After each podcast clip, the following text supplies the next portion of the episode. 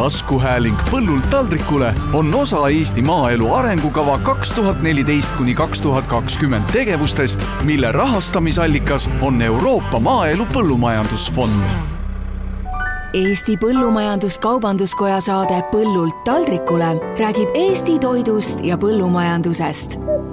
tea, mida sööd. Tere päevast, tänane Eesti Põllumajandus-Kaubanduskoja Põllult taldrikule saade räägib toidu raiskamisest. piinlik öelda küll, minu meelest on meil aastate jooksul pigem kasvutrendis toidu raiskamine kui kahanemises, selleks ma kohe küsin meie külalistelt üle, et mida nemad arvavad, kuidas nende viimased numbrid on. ja mul on hea meel uuesti näha siin saates Meeli Lintsar, kes on Eesti Põllumajandus-Kaubanduskoja toiduvaldkonna juht, tere Meeli! Tervist! teiseks külaliseks on meil koja toiduvaldkonna projektijuht Helen Orutar, kes on ühtlasi ka toitumisnõustaja, nii et täiesti õige inimene meie saates ja mina olen saatejuht Juuli Nembalts. ühest küljest me räägime sellest, et kuidas toidutööstuses tuleks rohkem väärindada neid jääke, mida siis ikkagi tekib toidutööstustel ja võib-olla lõpptarbijale ehk elanikkonnale jääb selline tunne, et see ei puuduta neid et see kõik, mis toimub kodudes, see oleks, sellega oleks kõik korras. aga Meeli, kuidas sul on viimased andmed? no üldiselt on Eestis ja ka mujal maailmas tehtud päris palju erinevaid uuringuid, vaadatud, kuidas ja mis, mis toitu läheb äh, raisku, vaadatud erinevaid tarneahela lülisid ja siiski tõde, tõdetud peaaegu et igas äh, hästi äh, minevas riigis et äh, toitu läheb kõige rais-, rohkem raisku siiski kodus. tööstustes äh, läheb äh, toitu uuringute järgi kõige vähem raisku ja no arusaadavalt iga ressurss on raha, mistõttu pigem nagu ikkagi väga jälgitakse, et toorainet ei läheks raisku ja ma tean, et on ju ka mingisugune hulk toitu, mis läheb kohvikutes, restoranides, sööklates äraviskamisele. oli tore just, et kaks päeva tagasi ma sain ühest ähm, on selline väike leht nagu Kiili Ekstra ilmunud ja Liisa Aavik, kes siis ise nimetab ennast rohemüksajaks ja ringmajandusekspert, tema toob selliseid numbreid välja, et Eesti toidukaupu visatakse või jääb müümata kakskümmend kaks tuhat kaheksasada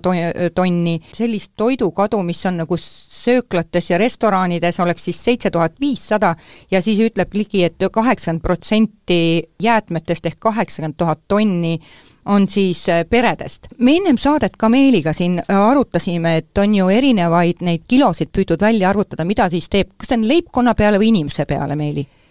jaa, no uuringuid ongi erinevalt tehtud, et äh, on arvutatud nii-öelda kodumajapidamise kohta, on arvutatud inimese kohta, aga eks need suurusjärgud ongi natukene erinevad, et arvestada tuleb siiski toidu puhul, et kas me räägime toidust, mis on söömiskõlblik, või me räägime toidust, mis ei ole niivõrd äh, söömiskõlblik, kuid võib-olla teatud juhtudel siiski on võimalik äh, Oho. seda süüa. kui arvestada kõiki komponente ja öelda, et äh, toit, mis on nii-öelda söömiskõlblik ja siiski läheb raisku või visatakse ära, siis seda on kuskil kakskümmend kuus kilogrammi inimese kohta aastas ehm, nüüd äh, minu andmetel see on ikka ka... väga palju, ütleme neljaliikmeline pere, see on üle saja kilo ju Äh, jah, et äh, mina tean ka numbrit viiskümmend neli kilogrammi, mis on siis äh, see, ka selline toit, mida, mis on nii-öelda nagu mitte, mittesöömiseks kõlblik. See on nii ja naa, et selles mõttes inimese koht kuskil sada natukene peale grammi või tähendab päevas, eks, et et sada grammi toitu mõeldes polegi nagu justkui nii palju, aga jah, et eks see massi, mastaabiefekt tekib siis, kui seda arvestada niimoodi aasta peale. kas või kuupõhiselt on juba päris ja, palju ju? jah, kuupõhiselt on see kuskil noh, ütleme alla nelja kilo kilogrammi, et noh, nelja kil-, neli kilogrammi nähtavasti ei ole võib-olla isegi toidukoti raskust poest tulles, aga noh, võime nagu mõelda, et, et üks äh, toi-, no nii-öelda kilekottides äh, toitu, toitu, kuus viskan ära. viskad lihtsalt nagu minema. ja, ja noh, miks ma, miks on need arvud ka nagu erinevad, ongi, tulenebki sellest, et äh, kui palju selles mõttes sellest toormest, toidutoormest on võimalik siis teha toiduks et minu võib-olla kõige parem näide on ähm, koored. et äh, räägime kartulist, räägi, räägime mõnest tsitrusest ja räägime munast. kõik kõik võib-olla saavad aru, et et kartulikoortest on põhimõtteliselt võimalik teha täiesti gurmeetoitu tehakse sellised spe-, spetsiifilised näksid, täna me ostame võib-olla kartulikrõpsu poest, aga põhimõtteliselt on võimalik teha nendest väga head snäkke. palju meist seda teevad, nähtavasti vähesed. sama on tegelikult tsitrusekoortega näiteks, noh ma lihtsalt toon kolm näidet, eks. Tsitrusekoore peale öeldakse, et ah, need on pritsitud ja sellepärast tasub neid koorida. jah, mõnes mõttes ma olen nõus. teisest küljest ma olen nagu ka nõus sellega, et põhimõtteliselt on või-, võimalik tsitrusekoort ka toorelt kasutada erinevate toitude sees, kookide sees, aga seda on võimalik ka ära kuivatada ja siis kasutada näiteks mingites kastmetes, moosides, et tegelikult on see väga väärtuslik toit, mis, mille me nagu nii-öelda minema viskame. Ja kolmas näide on äh, munakoor. et ma arvan, et mina, sina ega Helen ei söö munakoort veel mitte aga samas võib-olla kui ma küsiksin, kui paljud inimesed ostavad näiteks apteegist või või toidupoest toidulisandina kaltsiumit, siis neid inimesi on päris palju, aga munakoor kui selline on väga suure kaltsiumisisaldusega. mistõttu on täiesti erakordselt halb näide, et me selle ära viskame, me võiksime tegelikult selle ära uhmerdada ja lisada seda nii-öelda meie toitude hulka, piimatoodete hulka ja saada väga rikkaliku kaltsiumiallika. nii et noh, selles mõttes kui nüüd inimesed hakkavad siis äh, mõõtma, et mis siis on, milline toit siis nagu raisku läheb, siis tekibki küsimus, et äh, et kes siis kasutab kartulikoorti, kes kasutab tsitrusekoorti, kes kasutab munakoort, et neid võima-, on võimalik ka toiduna kasutada, aga üldiselt ei kasutata ja siis, siis ta läheb nii-öelda mittesöödava toidu hulka jaa, Helen, sa tahtsid veel täpsustada? mulle väga meeldisid need meili mõtted ja näited erinevatest koortest ja mis ma tahtsingi siin lisada, et äh, kartulikoorte kohta võib-olla veel, et äh, võib-olla on ka mõttekoht, et äh, mis asju me üldse sööme koortega ja et kas me koorime asjad ära või mitte. et seesama kartuli näide või, või porgand, erinevad juurviljad, et tegelikult nad ju sobivad tihti toitude sisse suurepäraselt ka koortega, minu arvates näiteks ahjujuurviljad ongi tihti maitsekamad ja tekstuurilt mõnusamad, kui me küpsetame neid koortega, või näiteks puuviljade puhul mulle meeldib tuua seda näidet, et äh, näiteks kiivit äh, tegelikult on, saab täitsa kenasti süüa ka koortega ja, ja on väga maitsev, süües koorega, et ta ei ole üldse kuidagi ebameeldiv, et tasub täitsa niimoodi oma silmaringi avardada ja, ja katsetada võib-olla natukene nende erinevate koortega, jah et noh, mina tõin jah, näiteid kolmest äh, nii-öelda, nii-öelda toiduaine koorest, mis võib olla söödav, aga mida üldjuhul pigem nagu ei sööda. Aga samas on ka väga palju selliseid näiteid, kus on, kus see koor on täiesti söödav, no ma näitan, näiteks toon õunad. Et ma arvan, et jälle väga suur hulk inimesi sööb äh, õuna koos nii-öelda selle koorega, aga on ka väga palju inimesi, kes selle koore nii-öelda ära koorivad, et et ehk et äh, selles mõttes sellisteks äh, hindamiseks, et ja noh, kalkuleerimiseks siis lõpuks, et millist toitu raisatakse, mitte millist, mit-, mida mitte, see noh, see on väga subjektiivne ja oleneb siiski sellest inimese enda nii-öelda käitumisest. Jaa, ja kui Helen tõi seda kiivi näidet näiteks, mida mina ka ei teadnud, siis mul tegelikult tuli endal meelde, kuidas aastaid tagasi, kui hurmaa ei olnud meil üldse veel levinud, siis ma arvasin, et ka seda tuleb koorida, kuigi ta on ju ääretult maitsev koos selle koorega ja, ja tegelikult ju tihti just koortes peitub ka väga palju toitaineid, et kui me need asjad ära koorime ja viskame need koored ära, et siis me viskame ka väga palju toiteväärtust ära, et sellele tasub ka mõelda ja noh, mina võib-olla lisakski selleks, et äh, selle, siia juurde, et äh, et jälle uuringud on ka näidanud, et milliseid toiduaineid võib-olla kõige rohkem äh, raisku läheb ja, ja midagi pole teha, puuviljad, juurviljad ongi need, need toiduained, mida, mida nii-öelda siis kõige rohkem raisku läheb. Et vähem on võib-olla teisi tooteid, kõige vähem on loomulikult teraviljatooteid ja erinevaid kuivaineid, aga, aga just siin on koht, kus, kus me tule, kus, kus tuleks nagu mõelda ja vaadata, et et mida siis rohkem ära kasutada. Meeli, on sul ka mingeid andmeid, et kuidas, noh, me ju armastame ennast võrrelda, et kuidas me muu Euroopaga oleme, kas me oleme nagu erilised laristajad või oleme ikkagi nagu kokkuhoidlikud või tead sa midagi ka selles poole pealt? Jaa, et üldiselt äh, ikka võrreldakse, et äh, et üldiselt on see metoodika, kuidas, ähm, kuidas siis nii-öelda toidukadusid, toidu ras-, raiskamist mõõdetakse ja see on Euroopa Liidus ühene. Ja ma võin selles mõttes öelda, et üldiselt me oleme siiski nagu keskmisest vähem raiskajad, aga toit ja toidu raiskamine, ma arvan, et see on sellise heaoluühiskonna nagu pahe et mida parem ühiskond, seda võib-olla rohkem seda toitu raisatakse ja noh, lihtsalt, et kui see nii-öelda see vaesuse piir on, on suurem, et siis, siis selge on see, et, et toit kui igapäevane vajadus, et sealt hoitakse rohkem kokku ja seda ei lasta ka nii lihtsalt raisku minna, et ma arvan, et kui me mõtleksime ka Eesti peale tagasi siin viiskümmend aastat, sada aastat, siis mitte kellelegi ei tuleks see noh, nagu pähe et sa viskad äh, kuivanud leiva ära. absoluutselt, jaa. Miili, ma tean, et sa oled kunagi ka ühel konverentsil rääkinud äh, midagi sellist, et kuidas teha nagu seda auditit, et palju see pere siis seda toitu ära viskab, kuidas sina nagu julgustaksid inimesi seda auditit tegema? jaa, et noh, see kõige lihtsam on loomulikult kaaluda, et äh, tavaline köögikaal ja kõik, mis äh, läheb prügikasti, sealt ära kaalutakse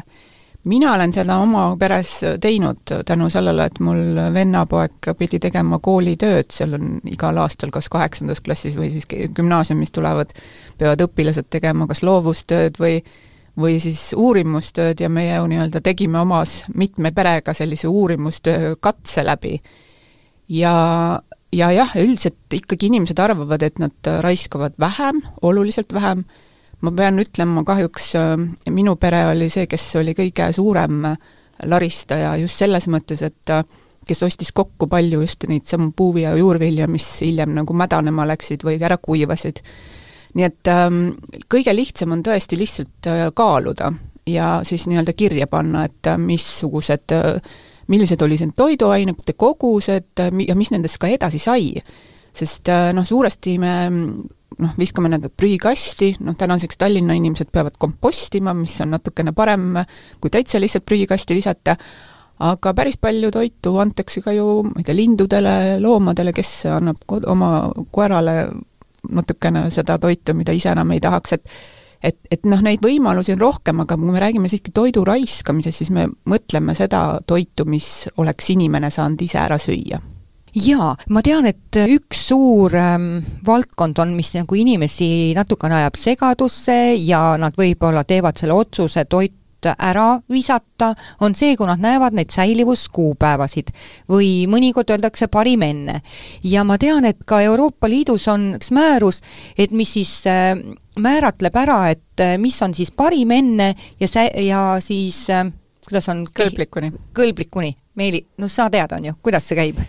jaa, noh, selles mõttes see määrus on ikkagi juba päris vana, et, et siin on juba mit-, peaaegu et mitukümmend aastat on, on need ühtsed reeglid paika pandud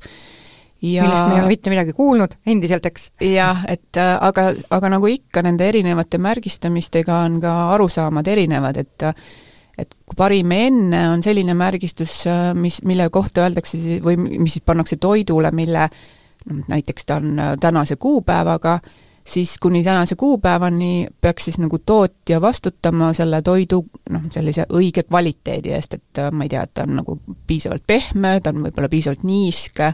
et see konsistents, mis on nagu eesmärgipäraselt toodetud, äh, sinna kuupäevani nagu säilib. ütleme mingid kohupiimatooted.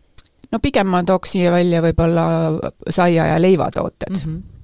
Teine, ja siis, kui, kui see kuupäev on kukkunud, siis siis noh, midagi pole juhtunud, et äh, iseenesest need tooted on ikka endiselt söödavad, võib-olla jah, et see, siis ei ole seda kvaliteedinorm, ei ole enam selles äh, staadiumis, mis ta võib-olla tootja poolt on ette nähtud. aga ta on siiski nagu äh, söömiskõlblik ja ei juhtu teie tervisega midagi, kui, kui te neid tooteid sööte ka mingi kaks või kolm päeva hiljem, ega ka midagi, kui, kui te sööte mõned nädalad hiljem või kuud aega hiljem. ja neid neid äh, tooteid võib siis ka üle anda, turustada, neid võib tegelikult ka müüa. Oota, aga see peaks siis nüüd olema, kuidas seal pakendi peal, tavaliselt on nii, et on lihtsalt mingi kuupäev. Ja mina kui tarbijana, ma ei tea isegi, kuidas ma sellesse suhestun. No tegelikult on ikkagi ära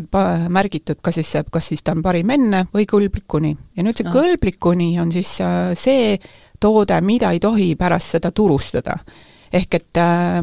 tootja siis vastutab kuni selle kuupäevani, et äh, et selles tootes ei teki eelkõige mingit mikro äh,, mikrobioloogilist saastumist kui ta on hoitud õigel temperatuuril, nagu toode on ette määratud, et kuni sinnamaani võib seda toodet müüa ja ka üle anda.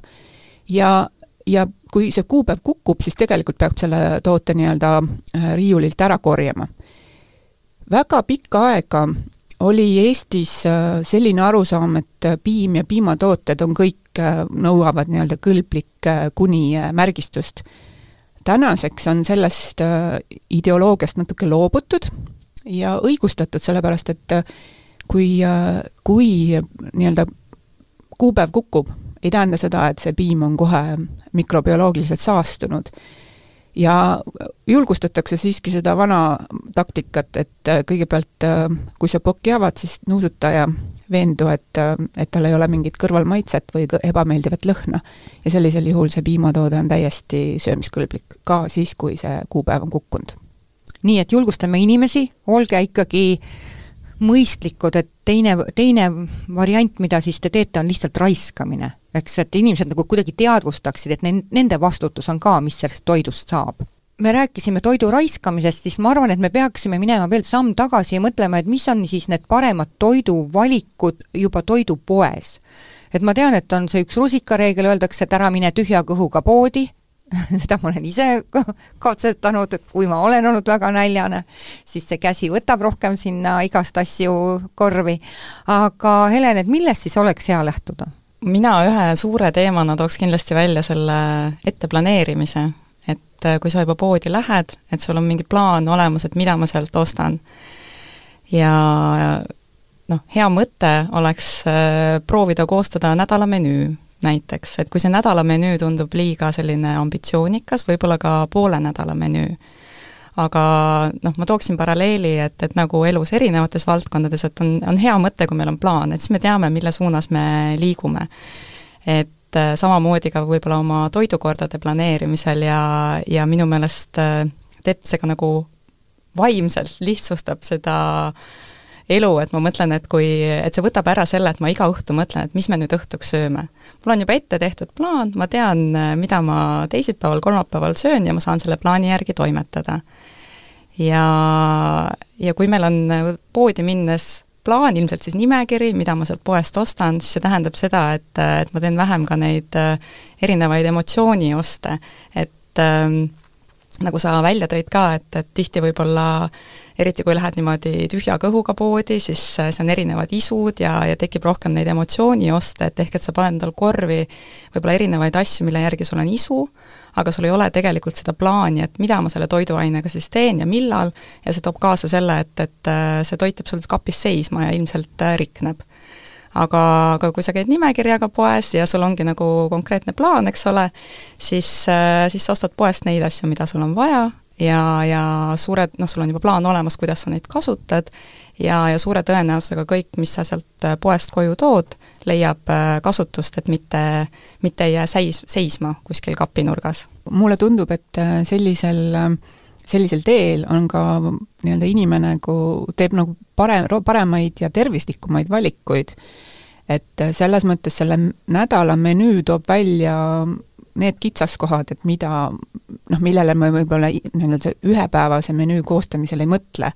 et, ähm, et see võib jääda nagu ühekülgseks, et samas, kui sul on nädal aega ette, siis sa näed, et oih, makarone läks liiga palju, et näiteks juurvilja osakaal on väike, et et selles mõttes see tasub mitte ainult selle toidu raiskamise mõttes, vaid ka kindlasti nagu toitumise mõttes sellise plaan, selline nädalane planeerimine kindlasti ära ma olen väga nõus ja, ja ma lisaks siia ka veel sellise kolmanda aspekti, et see on reeglina ka rahakotile sõbralikum, et ma arvan, et me oleme kõik kogenud seda, et äh, kui käid noh, iga päev või üle päeva poes, et siis sa kulutad, sa jätad sinna poodi lihtsalt paratamatult rohkem raha versus see, kui sa käid seal ainult äh, korra või kaks nädalas. Ja, ja see on minu arust väga õige nagu tähelepanek, et, et ilmselt me siis ka noh, kui me mõtleme läbi, me, me paneme ka oma menüü nagu paremini võib-olla paika või tervislikumalt paika, aga ma tooksin välja ka siin selle, et võib-olla ei tasu siis nagu väga idealistlik olla, et, et me ju noh, kui, kui mulle meeldib vahel süüa kommi või krõpsu või, või nautida mõnda jooki, et siis planeeridagi kohe see ka oma ostudesse sisse. ahhaa no,, nii? jaa, näiteks, et, et selles mõttes, et, et siis ei juhtu seda, et mul teisipäeval tuleb kommiisu ja ma siis olen ikkagi juba, juba seal poes kommileti ääres. aga võib-olla see ikkagi aitab nagu distsiplineerida, et ma mõtlengi, et noh, ma ostan selle paki kommi, ja ma rohkem siis koju ei too selle nädala jooksul, et ma söön selle paki ära ja, ja sellega asi piirdub, et aitab ka võib-olla siis äh, selliseid äh, noh, ütleme neid, neid asju nagu natukene rohkem kontrolli all hoida või neid toiduaineid, mida me igapäevaselt oma menüüs äh, ei soovi näha. mul on tekkinud selline tunne, et äh, kui ma meenutan ise oma lapsepõlve, et siis oli sageli oli nii, et meil kodus tehti ja ma tean, ka teistel tehti toitu nagu mitmeks päevaks. aga kui nüüd küsida inimestelt, et äh, kui tihti nad söövad teise päeva toitu, no ma ei tea. ma arvan, et nagu see, see komme on kuidagi ära kukkunud jaa, ma arvan, et see ongi jälle täiesti nagu selles mõttes pere käitumismuster, et et mis, nagu ma tõin välja selle, et me osalesime nii-öelda perega sellises uurimuses, kus me jä-, jälgisimegi, et, et kui tehagi no ma ei tea, mingi kogus toitu ette, no oled kahekesi, siis siis inimesed ütlevad, ma ei oska kahele inimesele suppi keeta, et supp on, tahab nagu suuremat potti ja ja, ja sel-, selle tõttu tule, tule, sööd ühe päeva, teise päeva, no kolmandal päeval tõesti enam ei taha, siis eh, noh, meie võtsime ikkagi selle külmut-, sügavkülmutamise nagu selle niisuguse perepraktikasse. ja see toidab väga hästi selles mõttes just, et on, on ikka selliseid päevi, kus on hästi kiire ja, ja jõuad koju, poodi ei viitsi minna, vaatad külmkapis nagu et on asju, aga, aga kõik tegemine võtab aega ja siis avastad, et oih, mul on siin see vana supp, sügavkülmast välja potti ja, ja niimoodi äh, saab ära kasutatud tegelikult kõik need äh, valmistoidud uuesti jaa, ma, mul on selline tunne, et võib-olla inimesed pelgavad, vaata nagu see sinu sõnagi, vana supp, eks on ju, aga kui sa kohe sellel samal valmistamise päeval, sa näed ära, sa tõstad ära perele selle toidu ja sa paned siis eh, jahtunud toidu karpi, eks ei maksa siin igast karpe võtta, aga paned selle kohe külmutuskappi, siis ta tegelikult on ju see, tema väärtus ju säilib või kuidas? jaa, et mina tooks ka välja selle, et äh, mulle tundub, et see külmutamise teema on natukene võõras eestlastele veel ja, ja kindlasti nagu tasuks inimesi julgustada seda rohkem äh, tegema.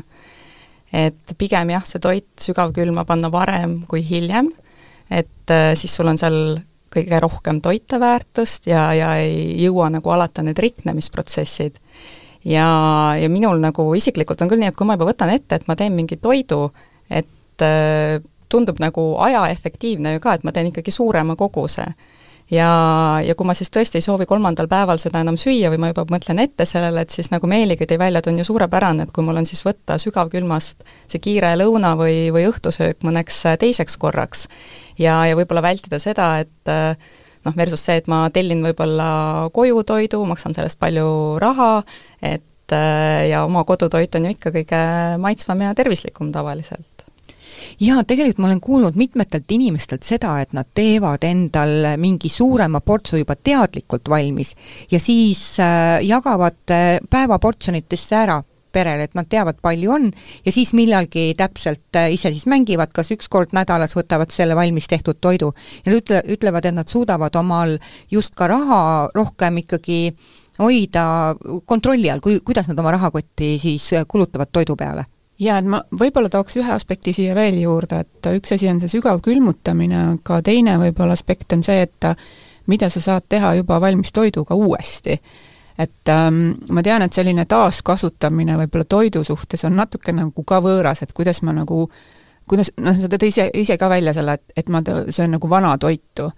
aga jälle, et noh, mina nagu selles mõttes oma lapsepõlvest mäletan väga hästi neid toite, mis tehti vanast leivast, tehti siis seda kalja või tehti siis nii-öelda leivasuppi või tehti mingit magustoitu, kuhu pandi, ma ei tea, kohupiima sisse kuivatatud leivapuru näiteks, et või siis, või siis tõesti see nii-öelda kohupiim, mis jäi seisma, see ikkagi küpsetati kuidagi nagu ära või ja, ja noh, neid äh, võimalusi sellisteks äh, taaskasutamis, uue toidu loomiseks on tegelikult väga palju.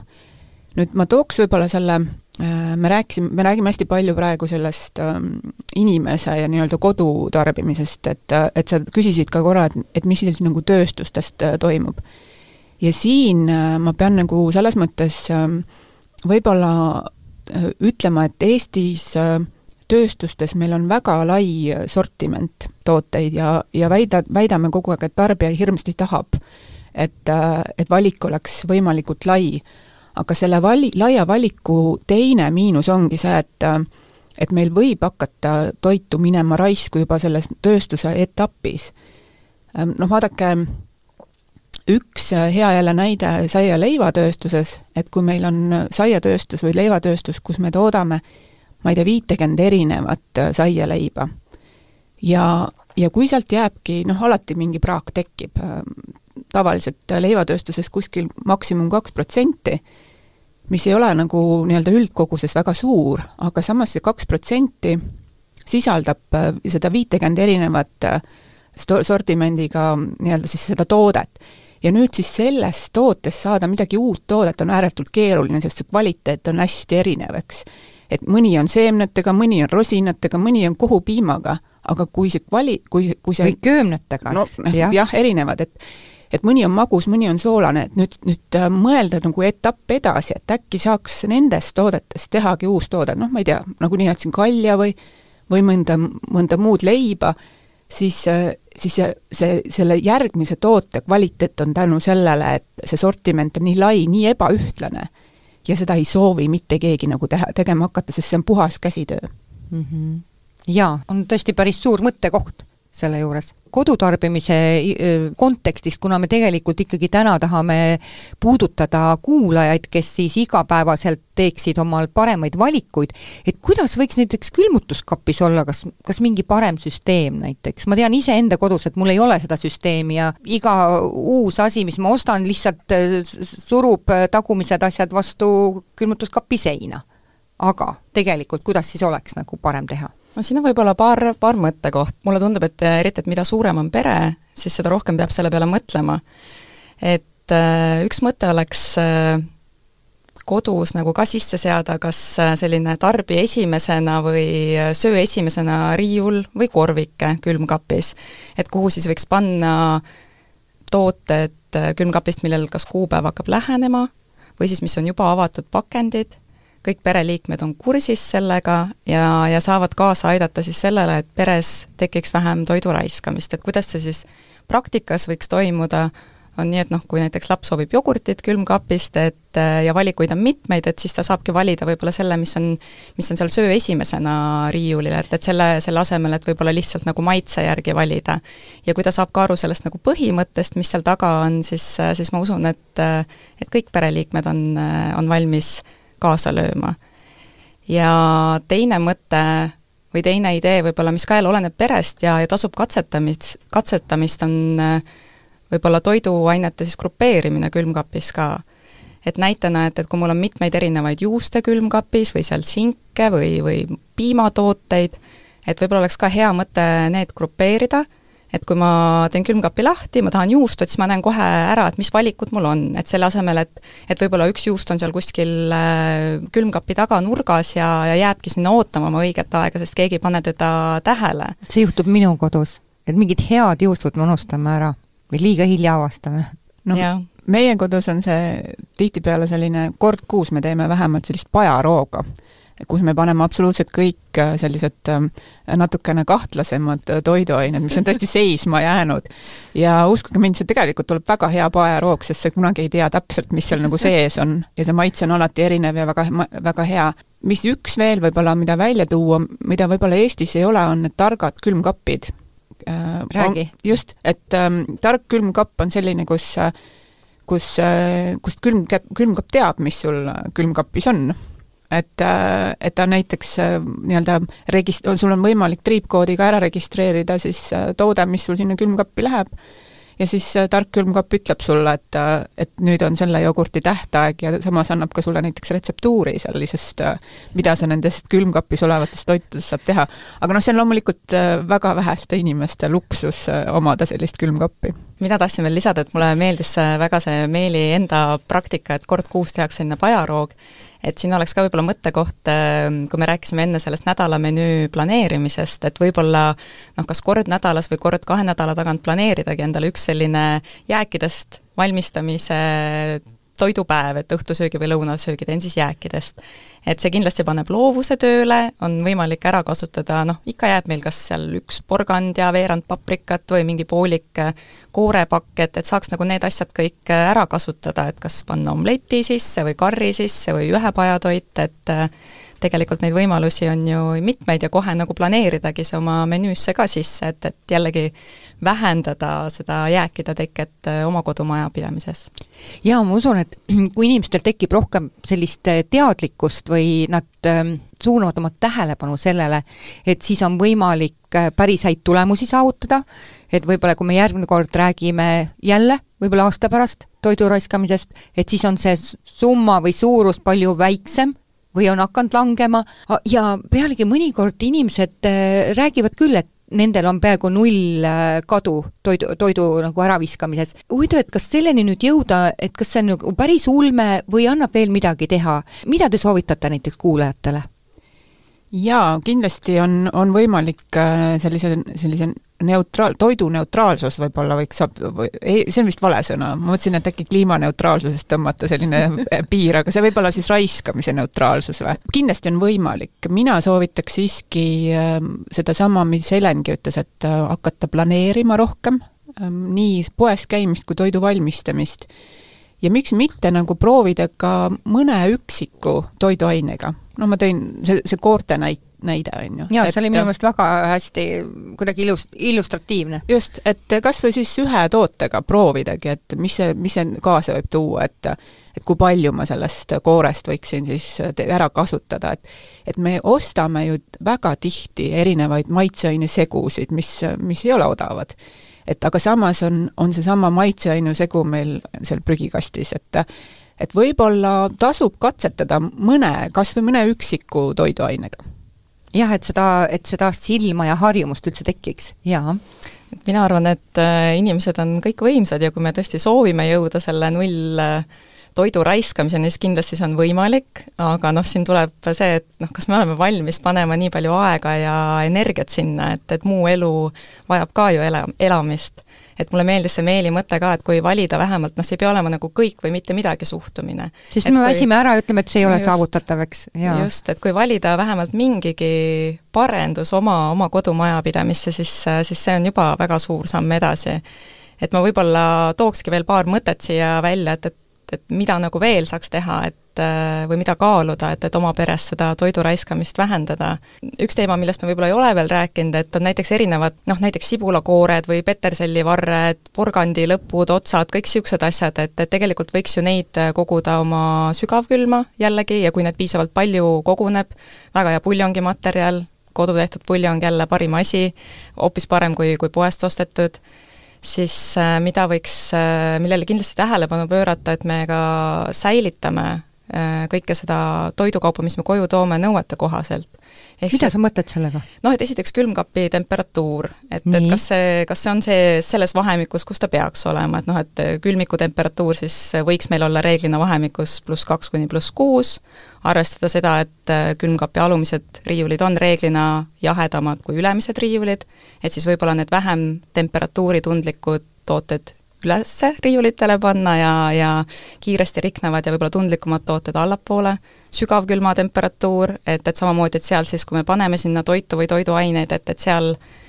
need asjad ka säiliksid võimalikult kaua. see säilitamise kohta veel, et, et noh, näiteks see on võib-olla rohkem hooajaline teema, aga kui me toome koju värsket salatit, et noh, et me ei viska siis, ei pane seda lihtsalt sinna külmkappi, et siis ta surebki seal väga ruttu ära. jaa, poole päevaga. noh, just, et siis on, noh, oleneb sellest salatilisest, aga hea on ta panna kas siis otsapidi vette või siis mässida niiske köögirätiku sisse, et ta säilib oluliselt kauem. Toome siin suvel koju häid marju, kui ei söö neid kohe ära, noh, me teame, kõik nad riknevad väga kiiresti, et siin on hea mõte pesta neid siis äh, lahjendatud äädikaveega, et see aitab äh, vältida seda, et tekib hallitus, et need marjad säilivad oluliselt kauem, et me keegi ei taha ju head kraami ära visata.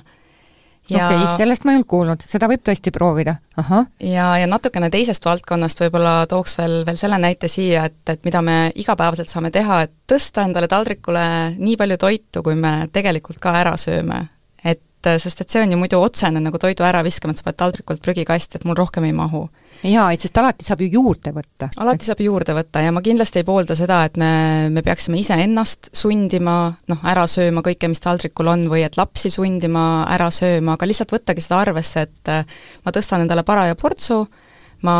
õpetan seda suhtumist ka oma lastele, kui lapsed on väiksed, siis võib-olla nagu unustada ära see soovunelm, et, et ma soovin, et ta sööks selle terve suure portsu köögivilju ja, ja kõike muud, et olla realistlik, et noh, ma tean, et tegelikult sööb selle väikse portsu, et pannagi talle siis see, et, et me ei viskaks seda toitu otse prügikasti.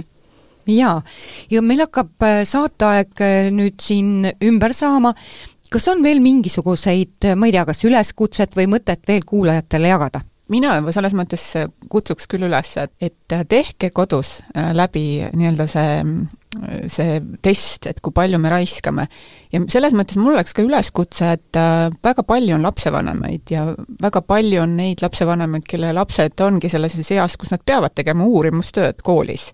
ja see on väga hea võimalus teha seda uurimustöö, tööna kodus, sul on see praktiline osa, sa saad teooriat uurida ja saad väga head tulemused, et minu, minugi poolest terve klassitäis õpilasi võiksid teha täpselt ühe sellesama uurimustöö teemal toidu raiskamine ja võrrelda siis omavahel neid andmeid. jaa, see on tõesti väga hea mõte. nii et äh, õpetajad, kui te kuulete meid, siis haarake sellest ideest kinni. tänases saates käisid põllult taldrikule meil rääkimas Eesti Põllumajandus-Kaubanduskoja toiduvaldkonna juht Meeli Lindsaar ja toiduvaldkonna projektijuht Helen Orutar. mina olen saatejuht Juuli Nemvalts Eesti Põllumajandus-Kaubanduskoja saade Põllult taldrikule räägib Eesti toidust ja põllumajandusest. tea, mida sööd